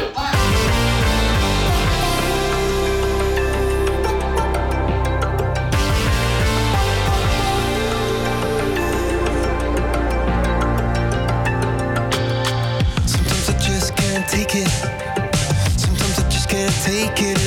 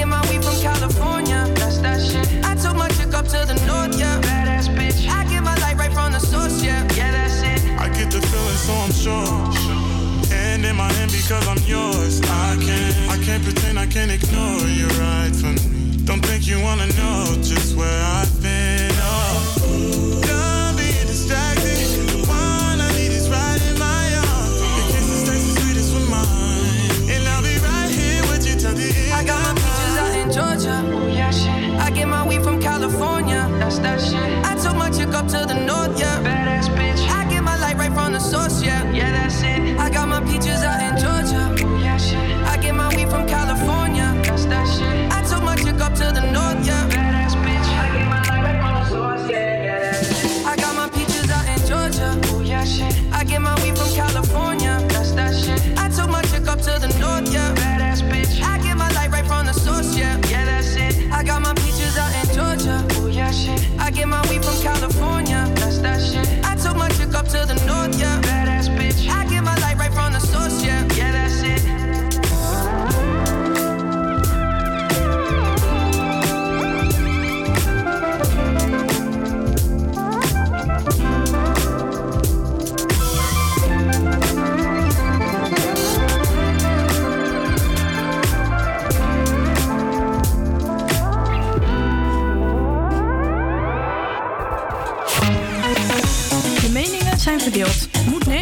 De Europese Unie blijven of worden we weer 100% soeverein? Deze vraag wordt al een lange tijd gesteld. Er zijn punten voor, maar natuurlijk ook wel punten tegen het vertrek van Nederland uit de Europese Unie. De Nederlandse Democratische Partij die wil het volk laten kiezen of we in de EU blijven of niet. De partij die gelooft in Europa, in Europese samenwerking en in Europese solidariteit, maar vindt ook dat de EU heeft gefaald en wil daarom het volk laten kiezen. Aan de telefoon heb ik Erik Schrama. Hij is de voorzitter en de oprichter van de Nederlandse Democratische Partij. Ja, waarom heb je deze partij opgericht? Ja, hallo, kun je me horen? Ja, zeker. Ah, goed, mooi, hoi. Eh, ja, eigenlijk omdat eh, Europa is belangrijk. Dat is eigenlijk waar we van uit te gaan. Eh, Europa is belangrijk, Europese samenwerking is belangrijk. Ook als we eigenlijk onafhankelijk willen blijven als Europeanen tegenover eh, China en, en de VS en Rusland. Ehm, en ook als we een beetje een vuist willen kunnen maken tegenover ehm, ja, eigenlijk, eigenlijk landen die niet zo democratisch zijn als wij zelf willen zijn. Het probleem is dat de EU, zoals we die nu zien, zoals we die hebben, die werkt eigenlijk niet. Die werkt niet naar behoren. Ehm, en daar zijn verschillende redenen voor. En dat, dat weet de EU zelf bijvoorbeeld ook. Daarom zijn ze nu een eh, conferentie aan het organiseren over de toekomst van, van Europa. Om eigenlijk een oplossing te vinden, proberen te vinden voor eh, alle problemen waar Europa nu mee, mee, ja, mee te maken heeft. Ehm, want dat zijn er nogal wat. Het, het feit dat de Europese Unie eigenlijk nooit beslissingen kan nemen over hoe het met, eh, eh, met bepaalde problemen om moet gaan. Zoals de kredietcrisis die we net hebben achter de hebben, of de Griekse crisis, of de vluchtelingen. Hoe kunnen we dat oplossen als Europeanen zelf eigenlijk? Die, die, die besluiten die kunnen wij niet maken door de manier waarop de EU is opgebouwd. Oké, goed. Nou, is de vraag, hoe gaan we dat precies oplossen? En als je er even logisch over nadenkt, kun je eigenlijk. Zijn er twee opties. Of we gaan verder. Dus dat is naar een, een echte Europese superstaat, een Europese federale republiek of iets dergelijks. Waarin we dus één Europese regering hebben. Ehm, met daaronder Nederland en België en Duitsland als eigenlijk staten van die Europese, Europese superstaat. Of aan de andere kant kunnen we ook naar een Europese, ja, een nieuwe Europese gemeenschap gaan. Van onafhankelijke landen die samenwerken voor, voor eigenlijk wat het beste is voor heel Europa. Nou, wat je wel begrijpen dan, eigenlijk wat belangrijk is, is dat die twee keuzes, die zijn allebei goed in principe. Ehm het is echt persoonlijke voorkeur ook. Wat, wat wil jij van als, als Nederlander en als Europeaan, wat wil jij van Europa? Wat wil jij voor de toekomst van Europa? Dat is een persoonlijke keuze, maar die keuze moet wel gemaakt worden. Want wat we nu hebben, is eigenlijk de enige keuze die fout is, echt om, om, om te maken, is om die keuze niet te maken. Om te zeggen, we gaan gewoon zo door zoals het nu is. Wat we nu hebben, werkt niet. Dus we moeten eigenlijk die keuze maken. En dat is nou precies wat, ja, wat wij willen doen. Wij willen Nederlanders die keuze geven. Om eigenlijk uit het probleem te komen. Om uit de chaos te komen. Om uit de bureaucratie te komen. Die Europa, on, die Europa nu is. Dus ehm, we willen eigenlijk gewoon op, op een democratische manier mensen de keuze geven. Wij willen, op, wij willen de democratische middelen die wij hebben gebruiken om eh, ja, mensen te laten kiezen om, om niet een, om ervoor te zorgen dat Europa niet meer een politiek project is dat van bovenaf op wordt gelegd. Maar dat het echt vanaf beneden af aan, vanaf beneden naar boven kunnen wij zelf kiezen wat willen wij hiervan. Ja, En, en, dat zie je, ja, ja. en wat En dat is, zie je, ja. En wat, is volgens jullie dan de, de- wat zijn volgens jullie dan de grootste voor- en nadelen van lidmaatschap bij de EU? Nou, bijvoorbeeld, eh, wat betreft nadelen is bijvoorbeeld ehm, het feit dat. Wat wat betreft besluitvorming van de EU hebben we nog steeds het veto, het nationale veto van verschillende landen. Waardoor eigenlijk telkens als de EU als één blok wil ehm, besluiten wil nemen, dat er altijd één land kan zeggen van ja, maar dit doen we toch niet. Dat maakt de EU eigenlijk heel erg traag en waardoor het eigenlijk niet echt werkt en niet als één, als één mond kan spreken, met één stem kan spreken, dat is een nadeel. Ander nadeel is ook bijvoorbeeld het feit dat Nederland nog steeds heel veel geld moet betalen aan de EU, terwijl de meeste andere landen dat niet doen. Dat is een ander nadeel. Uh, een derde nadeel, dat vind ik zelf ook eigenlijk heel erg ehm, belangrijk, is dat de Europese Commissie is ook nog, nog steeds niet gekozen. Wordt niet gekozen, dus is gewoon niet zo democratisch als ze eigenlijk ze- zeggen dat, dat ze zijn. Ehm, Europa spreekt altijd heel erg veel over, ja, we zijn democratisch, we zijn voor mensenrechten, we geloven daar echt in, wij vechten daarvoor. Maar eigenlijk thuis, dus in de Europese Commissie zelf, zie je dat dat niet echt waar is. Ursula von der Leyen is door niemand gekozen. Charles Michel, dus de, de voorzitter van de Europese Raad, is door niemand gekozen. Dus dat, dat is gewoon, dat, dat klopt gewoon niet. En dan kan je je afvragen, ja, we hebben dus hervorming nodig, maar kan de EU zichzelf hervormen? En dan toch nog even tussendoor. En een belangrijk voordeel dan toch van de Europese Unie. Daar ben Een ik... belangrijk voordeel. Nou ja, Ja. dat is ook zo. Er zijn inderdaad echt wel voordelen ook voor te noemen. En daarom moeten we die ook die keuze maken dat, dat we dat tegen elkaar afwegen. En dat mensen ook zelf de keuze krijgen. Echt gewoon zelf de keuze krijgen. En dat je ze aan ze vraagt, wat wil jij nou eigenlijk? En een belangrijk voordeel bijvoorbeeld is dat... Is, eh, eh, nou, ik ben zelf een grote fan van open grenzen. Trouwens, ik, ben, ik vind het echt fantastisch om gewoon over heel Europa te kunnen zwerven. Ja. Dat, eh, dat bijvoorbeeld ik in de auto kan stappen en dat ik dwars door Duitsland naar, eh, naar Tsjechië kan rijden of zoiets. Dat is echt, Ja. eh, weet je wel, dat is echt een grote luxe. Vind ik dat. dat vind ik fantastisch en dat wil ik ook zo houden. Nu is het probleem natuurlijk ook dat nou ja, de afgelopen jaar hebben we ook gezien dat dat, dat recht toch niet zo heel erg weet je, absoluut is. Ehm, omdat ineens de grenzen ook allemaal weer dicht gaan. Dat je ook niet meer Duitsland binnen kan, dat je België niet meer binnen kan, dat er niet meer uit mag. Dat dat, dat, dat toch niet zo, ja, dat toch niet zo absoluut is als het eigenlijk, waarvan ik zelf denk dat het eigenlijk zou moeten. Ja. Ehm, dus dat is echt. Dat is echt een voordeel dat je ook al wel kan noemen. Ja, er zijn natuurlijk voordelen. En, en ook dat met één stem spreken tegenover China. Bijvoorbeeld, jullie, jullie hadden het over de Oeigoeren in, eh, in China. Stel dat heel Europa dan met één stem zou spreken tegen China van ja, maar dat kan, dat, dat gaan we, dat kan zo verder niet, en dat, dat hoort zo niet. Dan zou dat inderdaad een voordeel zijn van één Europa. Maar dat is exact wat we nu niet hebben. Één Europa dat met één Ja. stem kan spreken. En dan, Europa, ja? en dan nog even kort eh, over de petitie. Want eh, jullie hebben dus eh, een petitie georganiseerd voor een referendum. Ehm, Dat klopt, ja. Sinds wanneer eh, hebben jullie deze petitie gestart? En ja, waarom is het nu dan zo, zo belangrijk om die petitie te starten? Te hebben, te Nou, hebben dat- gestart? Ja, nou dat is inderdaad belangrijk, omdat eh, eigenlijk op dit moment in de, in de Nederlandse politieke landschap, als je, je ziet dat de grote partijen allemaal sterk voor Europa zijn. Ehm bijvoorbeeld D66 is echt super voor Europa, voor meer Europa, voor meer Europa. En zoals VVD, dat, ja, die hangen er een beetje tussen. Sommigen zijn, zijn een beetje eurosceptisch, maar niet heel erg. De meeste zijn gewoon ons pro- pro-Europa, omdat eh, in de open grenzen en dergelijke is allemaal goed. Maar dat betekent wel dat we niet echt die keuze hebben. En het is belangrijk om mensen ook daadwerkelijk een echte keuze te geven. Eh, het is belangrijk dat als je mensen vraagt van wat wil je nou eigenlijk, dat je ook echt de keuze krijgt van ja, ik wil het wel of ik wil het niet. Weet je, ehm, en daarom willen mensen die ook die keuze echt zelf kunnen geven. Want op dit moment is de enige partij in Nederland die echt, echt, eh, ja, echt uit, uit Europa wil. Die gewoon zegt van ja, we willen gewoon uit Europa. Dat is het Forum voor Democratie.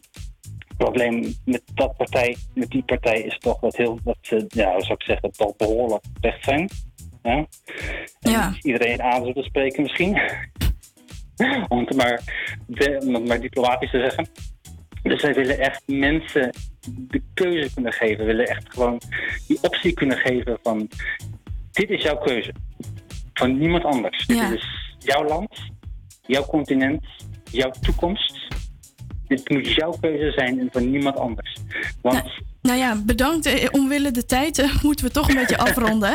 Eh, helaas. Ehm, ja, u heeft in elk geval veel kunnen vertellen. En zeker ook over het referendum. Dus ook, ik ben benieuwd waar dit toe leidt. En ik ga het misschien ook nog eens gewoon even uit interesse checken. Maar bedankt voor nu. Ja. Ja, ja, ja. Nou ja, zoals meer, ook meer informatie kan je altijd op de website vinden, demo.nl. Dus dat leidt overal, als je daar bent, dan leidt het overal naartoe eigenlijk. Ja, nou is goed. Bedankt. Ja, super, dankjewel. Hoi. taking it slowly.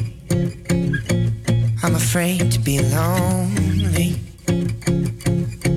Nobody told me it's harder than I thought to tell the truth. It's gonna leave you in pieces, all alone with your demons. And I know that we need this but I've been too afraid to follow through. Hold me close and I won't leave. Cause it hurts when you hurt somebody. So much to say, but I don't speak. And I hate that I let you stop me. Cause it hurts when you hurt somebody.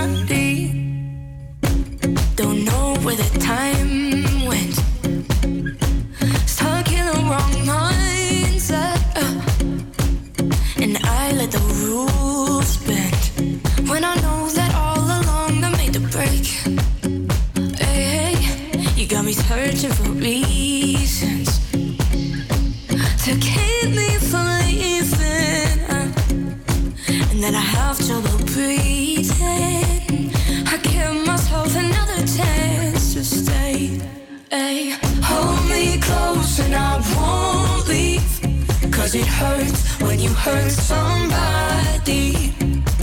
So much to say, but I don't speak. And I hate that I let you stop me. Cause it hurts when you hurt somebody. Mm. One day before you know it, you will see.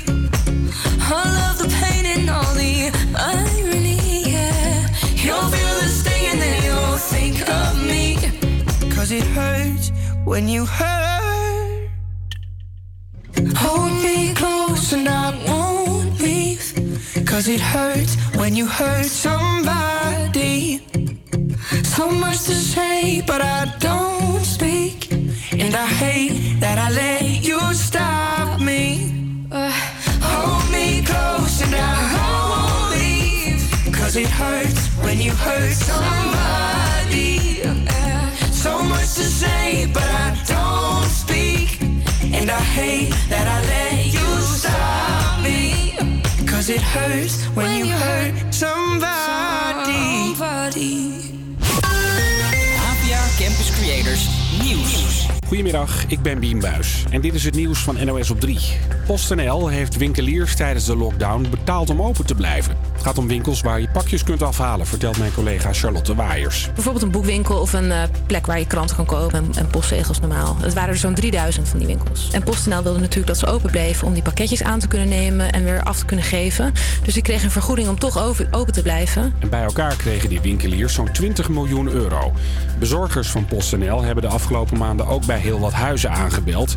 Het bedrijf heeft nog nooit zoveel pakketjes naar je deur gebracht als in januari, februari en maart van dit jaar. De Olympische Spelen gaan dit jaar sowieso door. Dat zegt de premier van Japan, waar de Spelen deze zomer worden gehouden. Veel politici en gewone Japanners zien het gigasportevenement niet meer zitten... omdat ze bang zijn voor veel coronabesmettingen. Maar de premier zegt dat het gewoon veilig door kan gaan. Niet overal liggen de coronatesten gewoon bij de apotheek of drogist in de schappen. Op de Britse Scilly-eilanden worden de wattenstaafjes per drone bezorgd. Het gaat om een proef. Volgens The Guardian gaat het om een megadrone die 100 kilo aan post kan bezorgen en ook tegen slecht weer kan, zoals mist. Bij een voetbalclub in Vlissingen kun je een sliding voorlopig beter maar even laten zitten. Een paar velden daar liggen van voor tot achter helemaal onder de ganzenpoep. Daar kan de club weinig aan doen omdat ganzen worden beschermd. Bestuur baalt ervan. Ik, ik wist dat zelf ook niet, maar die beesten die produceren een ongelofelijke hoeveelheid poep. Nu is het vrij rustig, maar s'avonds lijkt het wel of eh, de ganzen uit Vlissingen zich hier verzamelen. En dan heb je het over honderden ganzen. Het is echt, er is werkelijk geen vierkante meter waar geen poep ligt. En de gemeente Ja, heeft... dat is echt een heel groot probleem. Ja, het is een groot probleem. En de gemeente heeft ook extra mensen ingehuurd die met een bezem de velden moeten schoonvegen. Al heeft de club zelf ook nog wel een idee. De ultieme oplossing is er wel. Maar ja, dat is natuurlijk eh, misschien dat is niet realiseerbaar. De twee eh, kunstgrasvelden, want ja, dat lusten ze niet, hè? Het weer. Vanmiddag verdwijnen de meeste buien en ook de, de wind neemt wat af. De zon komt er soms bij en dat wordt 16 tot 20 graden. Morgen regent het vooral in de middag en wordt het een graad of 19. Weer beland in het tweede uur van deze uitzending. Aankomend uur praat, eh, praat Rosie met Rowan Pirot van GoGo Reizen over reizen tijdens de coronacrisis. Spelen we onze bekende quiz en hebben we Frank Lemmers in de studio van Dwars Amsterdam. Maar nu eerst weer muziek. APA Campus Creators Nieuws. Goedemiddag, ik ben Biem Buijs. En dit...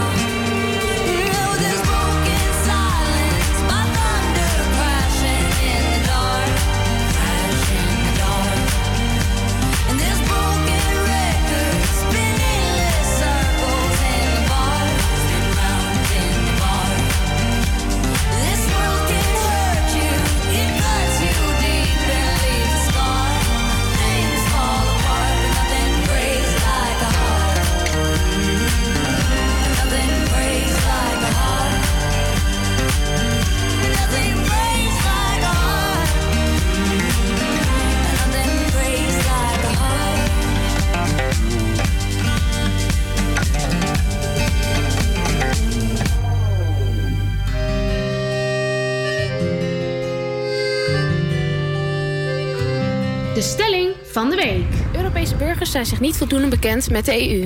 Ben je het eens of niet? Dat denk ik ook. Dus ik ben het mee eens met die stelling. Ik denk dat niet iedereen, niet iedere burger in Nederland voldoende weet van wat de regelgeving in Europa zijn, wat de rechten en plichten zijn. Ja, eens. Waarom?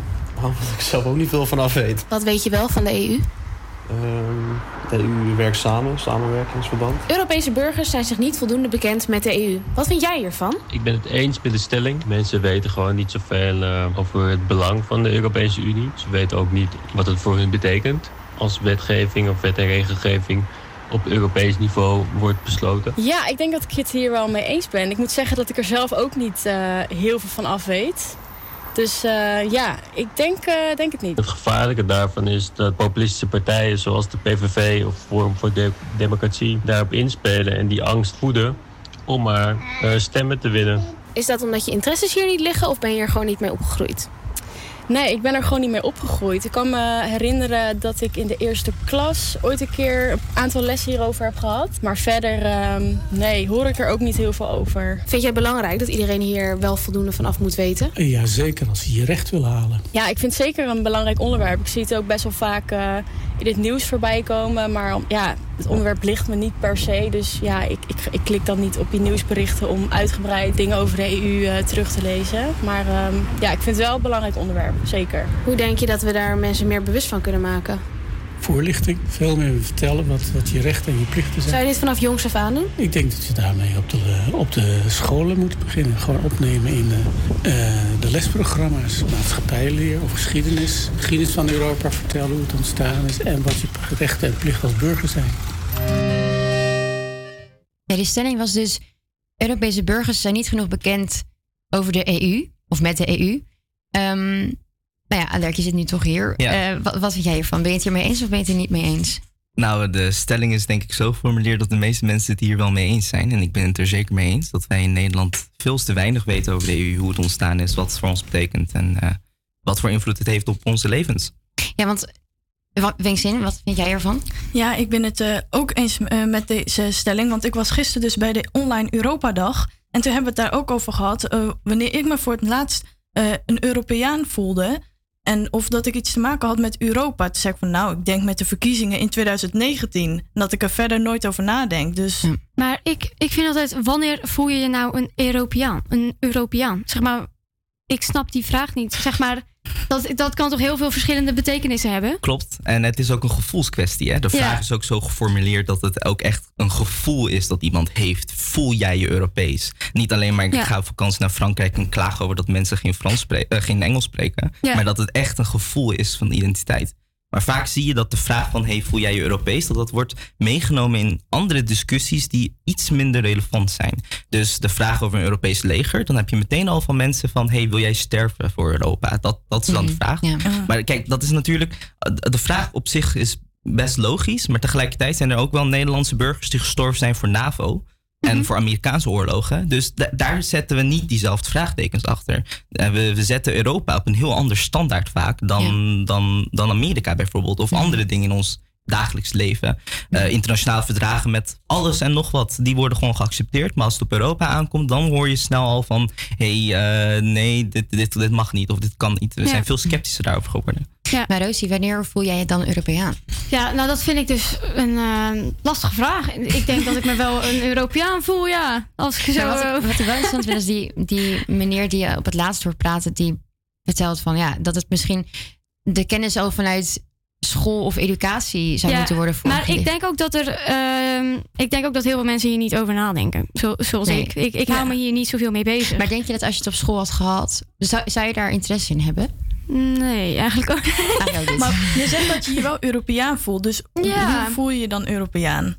Ja, weet ik niet. Toch naar Frankrijk. Dat is zoals, eh, ja, ik denk dat is een gevoelskwestie inderdaad. Maar deel jij de waarde van Europa? Vind jij dat het Europese continent verbonden is? Vind jij dat uh, onafhankelijke naties, naties in Europa tegen elkaar mogen strijden? Zoals het voor de, twee, uh, voor de Tweede Wereldoorlog en voor het bestaan van Europa? Ja. Dat zijn vragen die allemaal natuurlijk daarmee te maken hebben. En ik vind het ook, ja, dat gevoelkwestie vind ik natuurlijk heel interessant. Maar het is, het is wel een makkelijk voorgekoud verhaal voor ons om te zeggen van Europa, ja, daar hoef ik niet echt over na te denken. Omdat het voor ons door onze politici eigenlijk zo voorgekoud is dat we er niet over hoeven te praten. Het is eigenlijk alles wat met Europa te maken heeft, doet onze politici eigenlijk alleen Mark Rutte. Die gaat ermee aan de slag. En de rest van Nederland en andere partijen, die staan er gewoon, die leggen het gewoon daarbij neer. Ja. En dat accepteren wij soort van. Daar wil ik eigenlijk dat, hmm. dat, dat we moeten eigenlijk dat terugtrekken.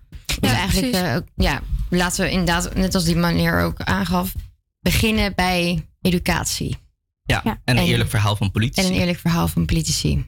Nou, ja. ja. mooi. Laten we doorgaan met muziek. Thought that I would find myself, but discovered someone else. And they say that time will tell that I won't change, I won't change.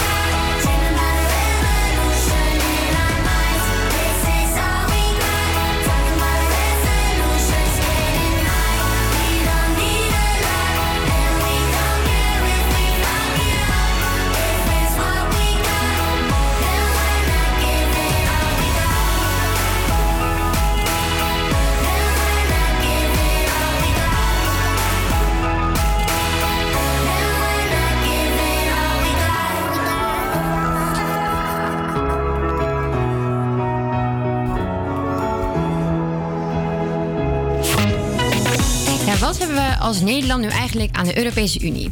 We hadden het even al over. Er zijn veel tegengeluiden als het gaat om eh, lid te blijven van de EU. En afgelopen jaar twitterde Thierry Baudet ook al dat eh, ja, de horecaondernemers omvallen. Maar wij als Nederland maar geld blijven pompen eigenlijk in Zuid-Europa.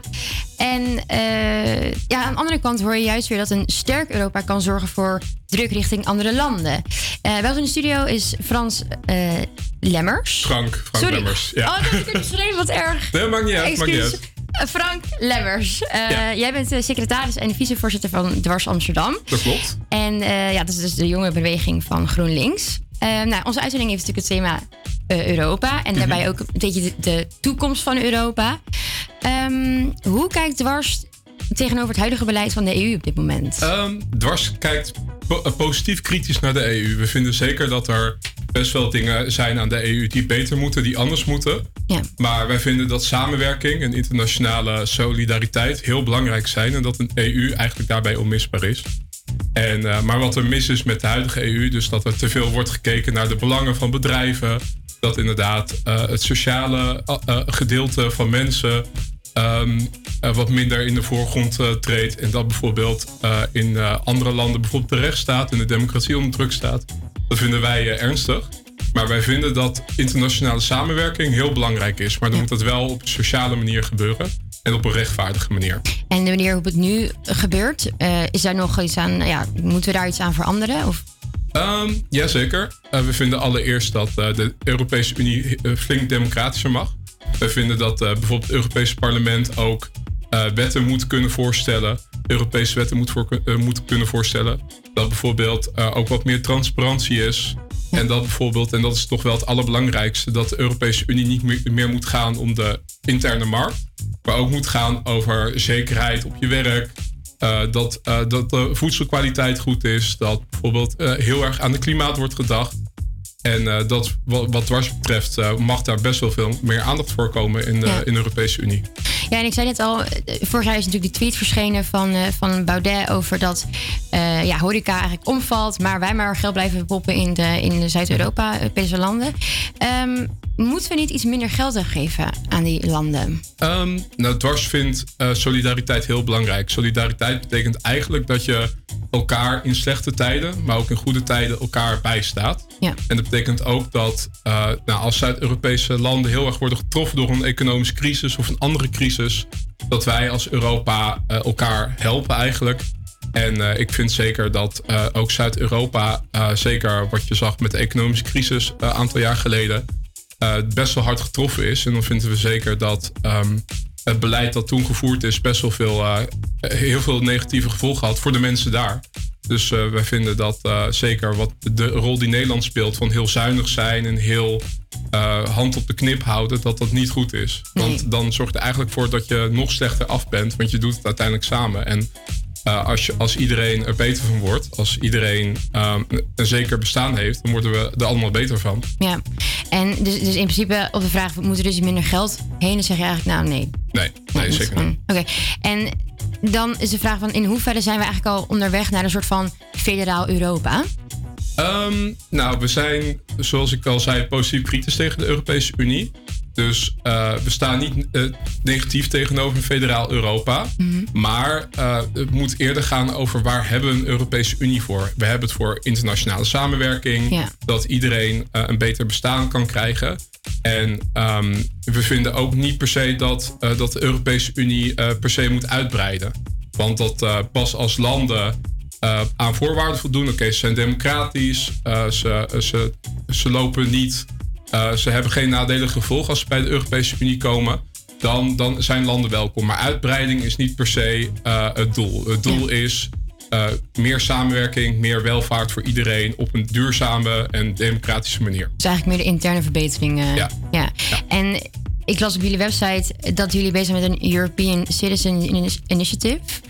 Wat is dat?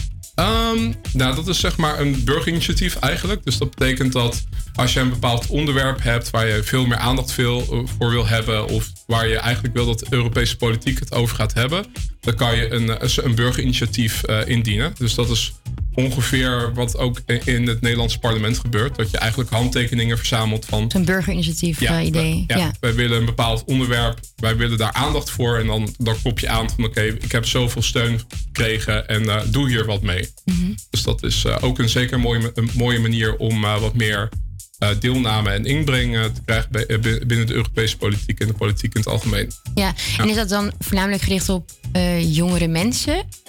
Eh, niet per se, maar ik denk dat het voor jongeren echt eh, heel belangrijk is dat ze ook een zegje kunnen hebben.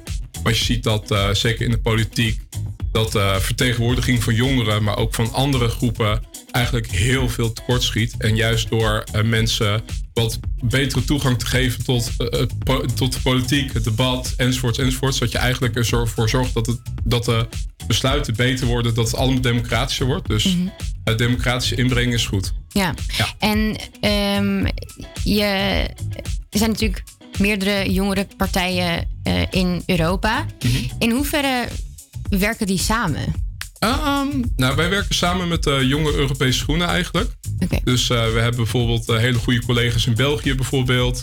En eh, ook in andere landen. En We hebben bij Dwars Amsterdam ook een bestuurslid internationaal die alle banden warm houdt. En eh, dat is eigenlijk eh, qua eh, Europees beleid en zeker eh, bij de Groenen werken we heel, eh, eigenlijk willen we heel, heel veel samenwerken. Juist omdat duurzaamheid ons allemaal aangaat. Want eh, als we niet opschieten, dan hebben we geen aarde meer. Dus dan is juist belangrijk, ook op Europees vlak, om samen te werken. Van we moeten onze klimaatdoelen halen. En we zijn het er allemaal mee eens dat het nu moet gebeuren. Mhm. Zodat onze toekomst er eh, nog is eigenlijk. Ja. Nou ja, en natuurlijk als je al die jongere partijen meer verbindt en een groter geluid van maakt, dan voel je je als jongere ook wat meer gerepresenteerd uiteindelijk. Ja. Ja, en als je zelf zou mogen kiezen, zou zou mogen zeggen hoe jij Europa voor je ziet, wat zijn dan de, wat zijn de punten waarvan je denkt, ja, dit zou ik als, als ik alles zou mogen maken, zou ik dit Oké. voor opstellen? Nou, ik ben best wel een tech-nerd, dus ik hou heel erg van de technologie. Ja. Dus ik zou het eh, eigenlijk best wel belangrijk vinden dat de Europese Unie wat meer let op privacy. Dus je hebt bijvoorbeeld eh, heel veel Amerikaanse bedrijven die gegevens verzamelen. Dus Facebook die eigenlijk eh, alles van je weet. Mhm. Nou, ik denk dat de Europese Unie daar ook een hele belangrijke in is. Zodat eigenlijk je privacy gewaarborgd is. En eigenlijk dat je, ehm, dat je gegevens niet zomaar op straat liggen. Dus dat Facebook weet dat je eh, in de supermarkt laatst een aardbeienyoghurt hebt gekocht. Dat hoeven ze helemaal niet te weten. Dus, Ja. dus dat, eh, ik denk dat de Europese Unie daar ook een hele belangrijke speler in is. En dat zie je nu ook met de AVG. Ja, want zijn ze daar nu nog te weinig mee bezig? Want ik weet wel van de afgelopen verkiezingen dat, dan, dat een digitalisering heel erg een onderwerp was, maar eigenlijk bijna heel erg, ja, niemand in de, eh, noem dat, niemand in de politiek had daar echt een specialisatie in. Is dat dan ook zo in de Europese Unie? Ehm, nou, we hebben best wel veel eh, goede politici in, eh, in eh, Europa. Dus Kim Spartak is Ja. Europarlementariër voor GroenLinks. Die is er heel erg mee bezig.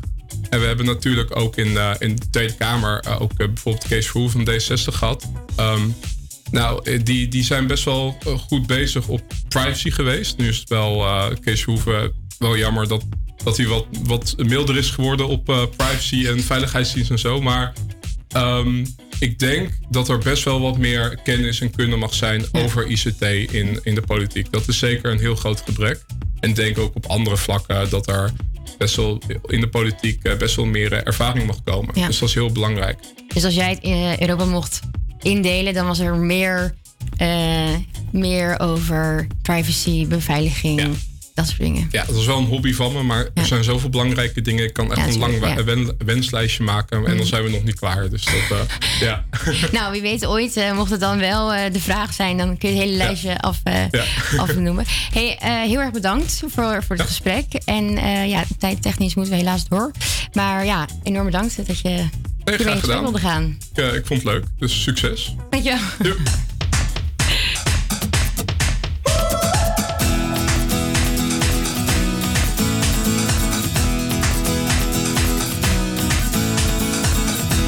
curtains open, scared to get up on the stage, second guessing.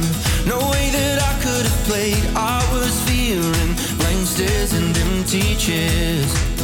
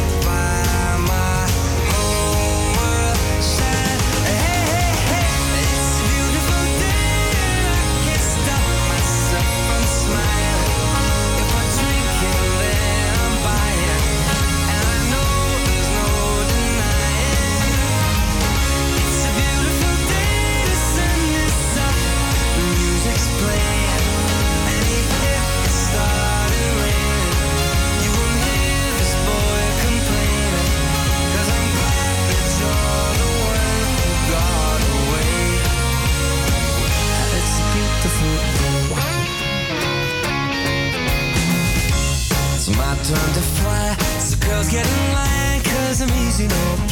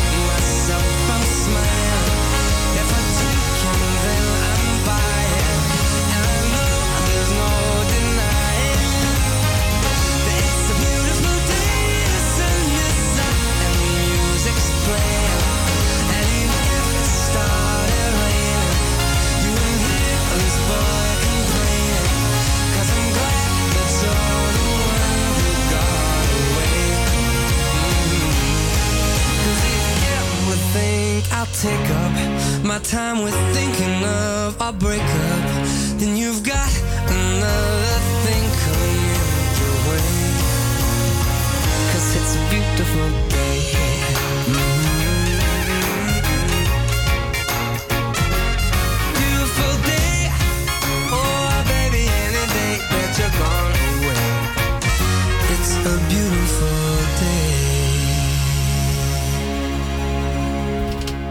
en in de Hey, wat is jou Oh, opgevallen sorry. deze week? Hey, wat is jou opgevallen deze week? Wat is jou opgevallen? Dames en heren, jongens en meisjes, hooggeëerd publiek. Het is weer tijd voor de quiz. Ja, en vandaag eh, gaat de quiz natuurlijk over de Europa Week. Eh, aan de telefoon heb ik als het goed Ruben, klopt dat? Ja, volgens mij klopt het wel. Hallo. Eh, hey, hoe is jouw dag tot nu toe? Mm. Ja, wel plezant. Lekker opgestaan, ontbijtje gemaakt en nu lekker bij het balkon zitten. Lekker, lekker.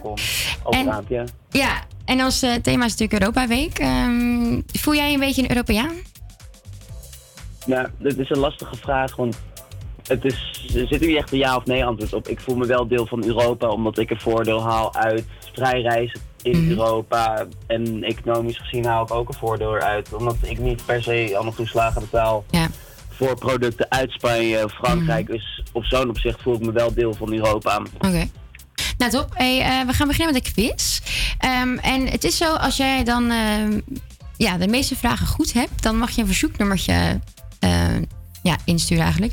Dus ehm, bedenk even snel wat. Want stel je wint het, dan, eh, ja, dan mag je dus eh, een nummertje aanvragen. Ehm, we gaan beginnen met de eerste vraag. En eh, dit gaat over, over Spanje toevallig. In de zomermaanden is, ja, blijven veel Spaanse winkels dicht vanwege de siesta. Grote supermarkten en horecagelegenheden blijven dan wel open.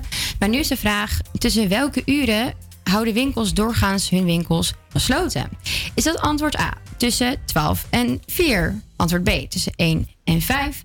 Antwoord C tussen 2 en 5? Of antwoord D tussen 3 en 6? Wat denk je? Ja, dit wordt een gok op A. A van 12 tot 4? Ja. Nee, dat was het niet. Het was eh, tussen 2 en 5. En dan gaan we door met eh, vraag 2. In welk land ligt de Europese stad, dan moet ik het uitspreken, Plovdiv? Is dat A, Bulgarije, B, Bosnië, C, Rusland of is dat D, Roemenië? Ik zou zeggen B. B? Nee, ja, het is eh, antwoord A, Bulgarije. En in eh, 2019 werd dit eh, de culturele hoofdstad van Europa. En het stadsmotto luidt antiek en eeuwig. En daarmee Plov duidelijk maakt... eh, ja, is een van de oudste steden van Europa. En ehm even hoor, check. eh, ja, dit is dus... Het komt uit het Romeinse amfitheater, zie ik hier. En daar werden dan veel eh, theatervoorstellingen eh, gegeven tijdens de zomermaanden. Ehm, ja, wenk zin. Ja, ik eh, wil me ook wel even in de quiz mengen. Ik heb ook een paar vragen over Europa. Ehm, en ik begin met een waar of niet waar vraag. Namelijk, Nederland is tot 30 juni voorzitter van de EU. Is dat waar of niet waar? Ik heb hier op het nieuws niks van meegekregen, dus ik denk niet waar. Dat klopt. het is niet waar, want het eh, is Portugal die de voorzitter van de EU is. Ehm, ja. En dan de volgende vraag. Een open vraag is het. Wat is de nationale drank van Griekenland? Mijn bier. Bier? Bier? Nee, dat is fout. Het, ik, ik kan geen Grieks hoor, maar er staat Oezo. Oe- ja, of in elk geval, het wordt veelal gezien als een nationale drank in Griekenland. Alleen eh, als de drank in Griekenland is geproduceerd, dan mag het de naam Oezo krijgen. Ja, dat Dus, eh, smaakt dus eigenlijk gewoon naar sambuca. Het, eh, het is gewoon een shotje. Is dat dan heel Oké. zoet ook? Zo? Ah, so, sambuca, Ja, een dit- ik dropachtige smaak. Oh, oké. Ben ik heel Oh, vaak... eh, Eh, we gaan door met vraag 5. nou ja, in Nederland zeggen we natuurlijk proost als we een slokje nemen van ons drankje. Maar Ruben, ken jij, weet jij vier andere talen eh, waar ze. Nee, andersom. Weet jij in vier andere talen het woord proost? Nou, ik zou zeggen, in Duitsland is gewoon Prost of... Ja. Ja. En volgens mij, we hebben ook nog Skull. Volgens mij was dat Fins. Ehm, Nou, voor de rest ben ik niet echt een talengod. Dus ik... eh, We hebben ook nog Engels, hè, Ruben? Oh ja, nee, dat is cheers. Zijn dat Eh, drie? dat- Ja. Het zijn er drie, dus dan ga ik even denken. Ehm precies weet ik hem niet. Dat is ook geen Europa. Ik wil het nu weten van je. Ja, nee, ik eh hou het bij deze drie? drie. Ik hou het op drie. Ja. Ik ga niet terug. Nee, ja, dat is helaas. eh, Je had nog kunnen zeggen eh Hebreeuws, namelijk legaim. Of eh, even kijken, Italiaans, chin chin. Spaans natuurlijk, salut. En Hongaars, eke shikadre. Weet je, ja, dat had ook nog gekund. Ehm, maar goed, hè, drie van de vier. Even kijken, dan gaan we naar vraag 6. Ehm, invoeren vanuit landen van de Europese Unie eh, gelden, daar, daar natuurlijk beperkingen op, eh, zoals eh, tabaksproducten. ehm, en ook voor alcoholische drank zijn er regels. Zo mag je maar 110 liter bier meenemen, 10, maar 110. eh 10 liter sterke drank. Maar hoe zit dat met wijn? Hoeveel liter wijn mag je meenemen? Is dat meer of minder dan 80 liter? Wat denk je? Ik denk minder. Minder.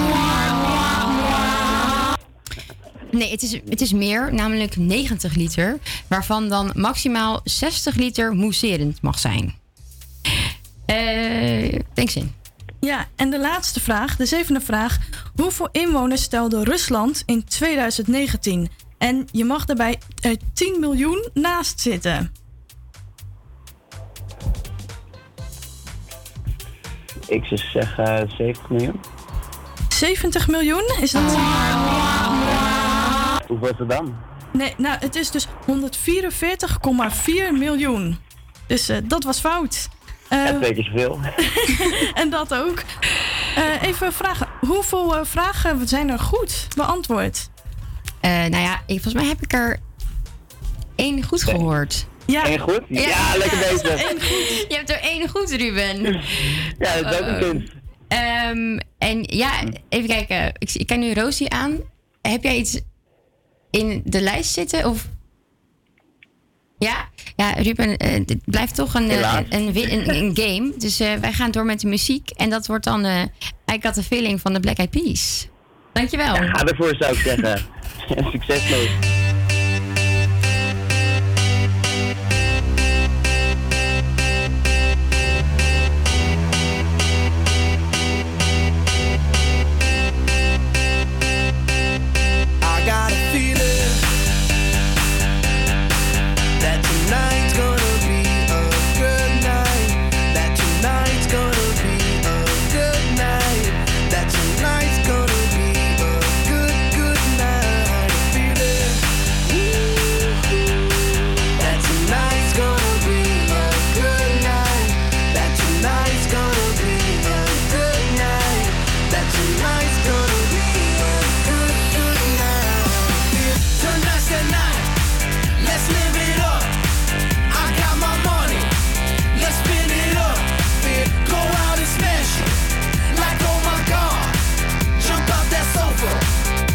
make it.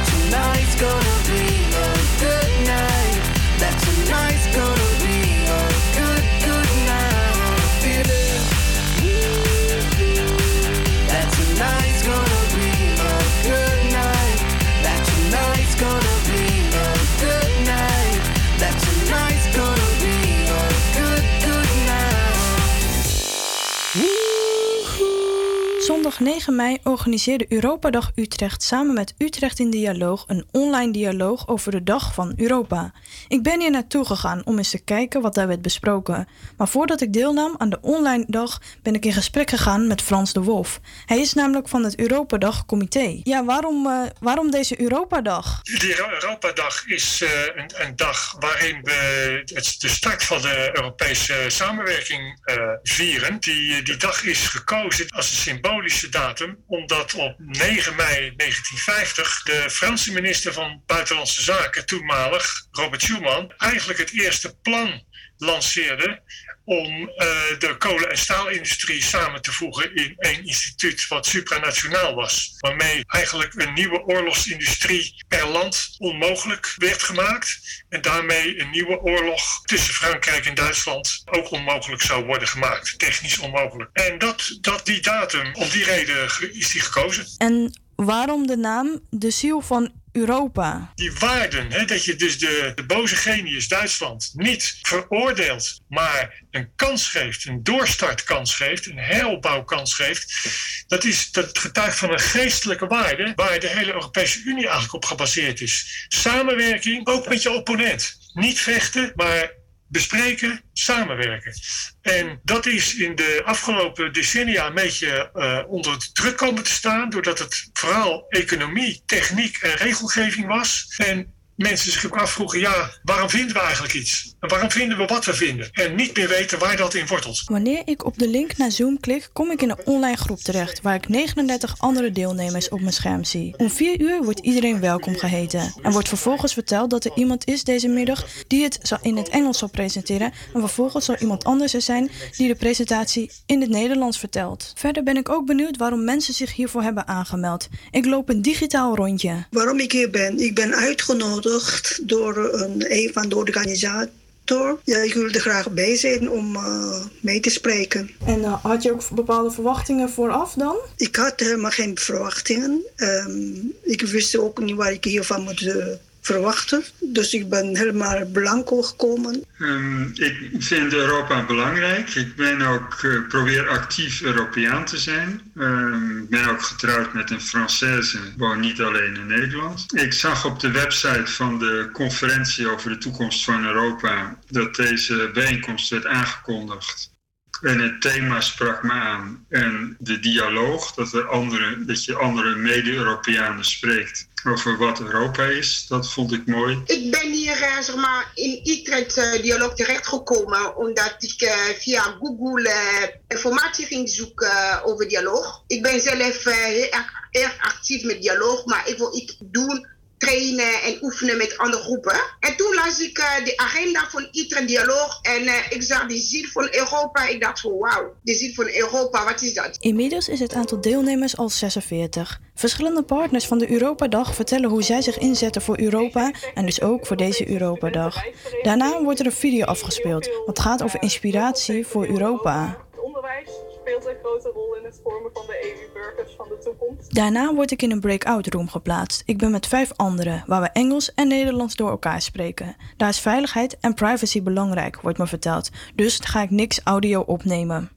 In dit groepje gaat het vervolgens over wanneer Europa in het dagelijks leven een rol speelt. Daarbij komt het Eurovisie Songfestival naar voren, het verdwijnen van talen en culturen door de eenwording van Europa en verkiezingen voor het Europees Parlement. Ook zijn we gaan nadenken over wat we graag willen zien in Europa in de toekomst en hoe we daar morgen al mee zouden kunnen beginnen.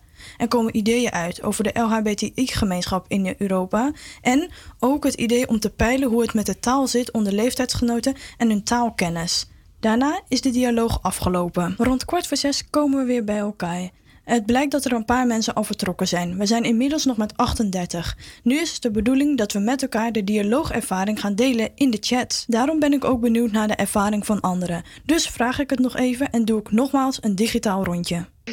Zelf, eh, die ziel van Europa, dat is natuurlijk mooi. Dat zegt heel veel, de zielen. En dat wil zeggen dat Europa alle die landen binnen Europa verbinden. Ja, ik vond het, eh, het voldeed aan mijn verwachtingen. We hadden een gemengde groep met één iemand van 92 en eh, ook met eh, studenten erin. Maar nu merk ik dat ik heel veel dingen niet bij kan benen met qua kennis. Maar ik ben blij dat ik mee heb gedaan.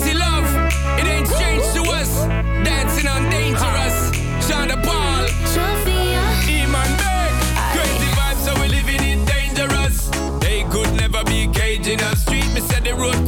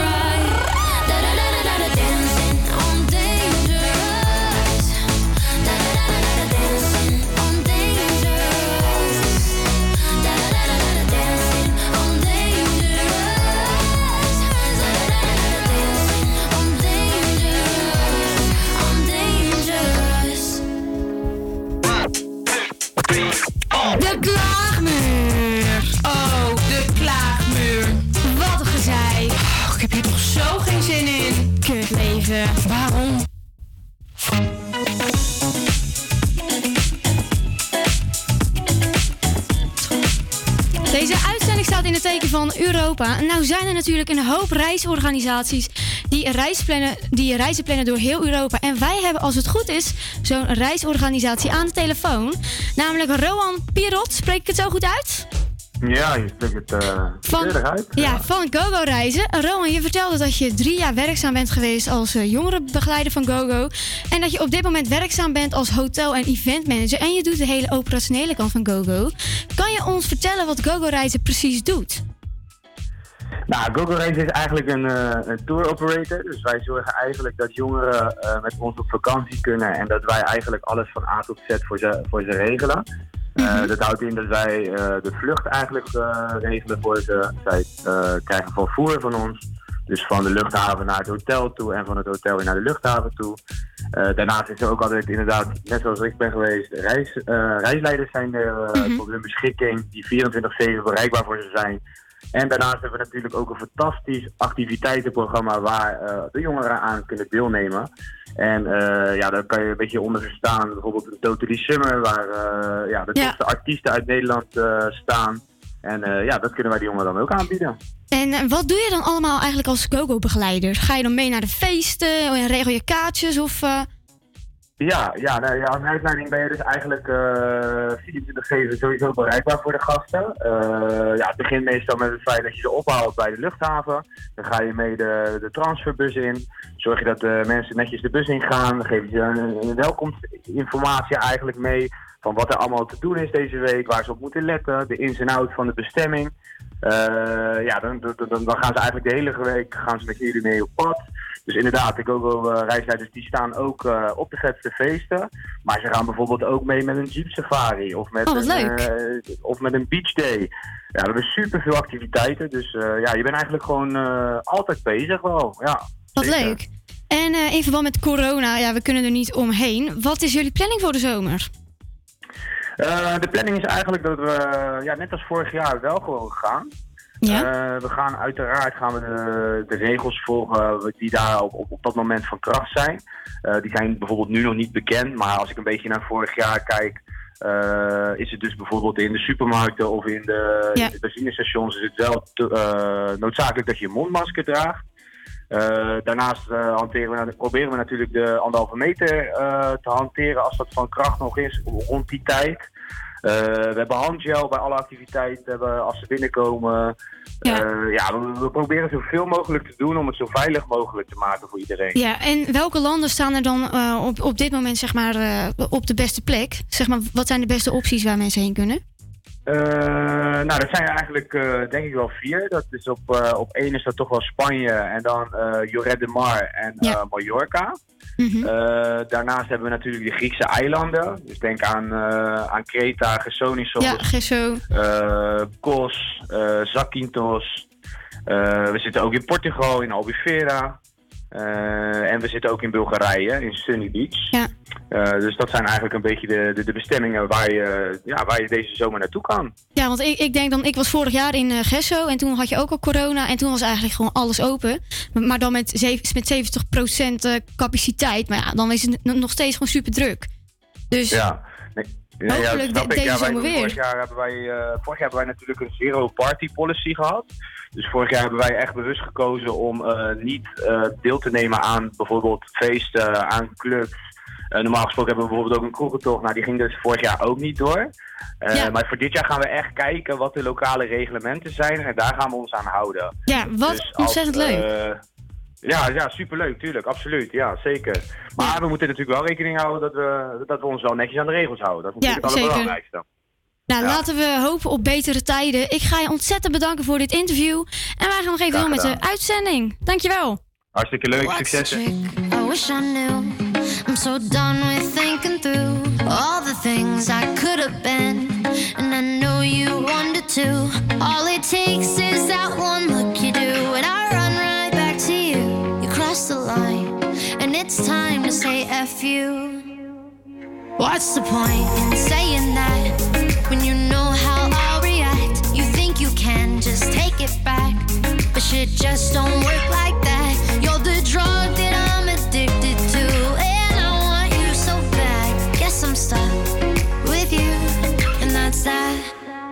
Cause when it all